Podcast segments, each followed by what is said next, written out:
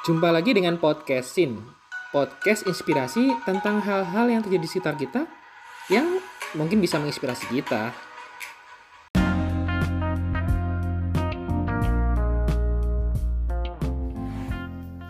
Nah, dalam episode kali ini saya ingin mengajak kita untuk mengangkat satu tema yaitu kediri.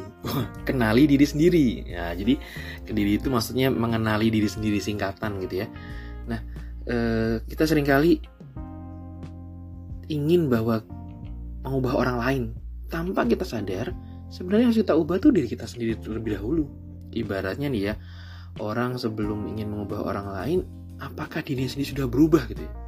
Ada juga pepatah yang bilang musuh terbesar itu bukan orang lain sebenarnya, tetapi musuh terbesar dalam diri dalam hidup kita adalah diri kita sendiri.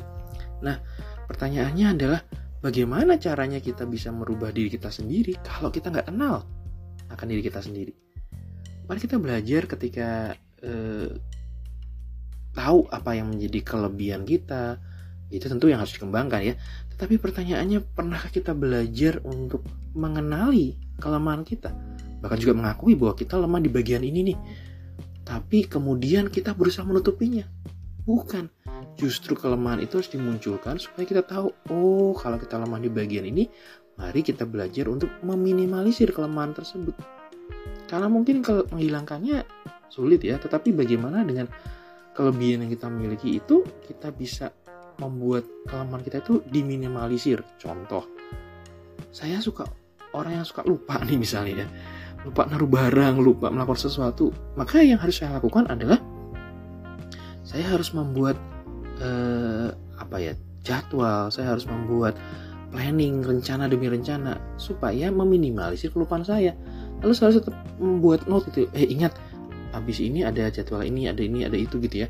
Atau saya habis menaruh barang saya membiasakan eh, kembalikan ke tempatnya.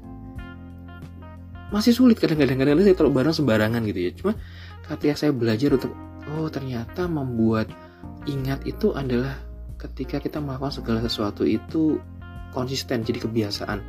Jadi itu membuat kita oh iya ya secara nggak langsung oh barang ini tempat di sini gitu ya oh saya harus melakukan ini setiap hari ini setiap pagi saya harus melakukan ini. Maka itu jadi konsisten dan lama kelamaan uh, lupanya itu akan berkurang gitu ya.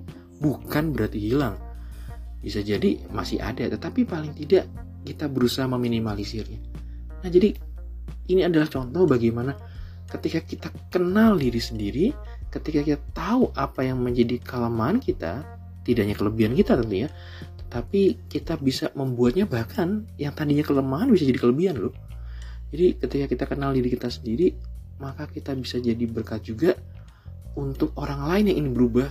Kita bisa sharing, kita bisa berikan saya juga dulu mengalami seperti itu tapi sekarang saya sedang belajar dan berusaha yuk kamu juga bisa gitu ya jadi merubah orang lain bukan karena kita yang pengen tidak. Tapi karena kita sendiri sudah belajar untuk merubah diri kita sendiri. Mari belajar kenali diri sendiri sebelum kita mulai mengenal orang lain. Itu saja untuk episode kali ini. Dan ingat apa yang kalian temui hal-hal yang kecil hal sederhana podcastin aja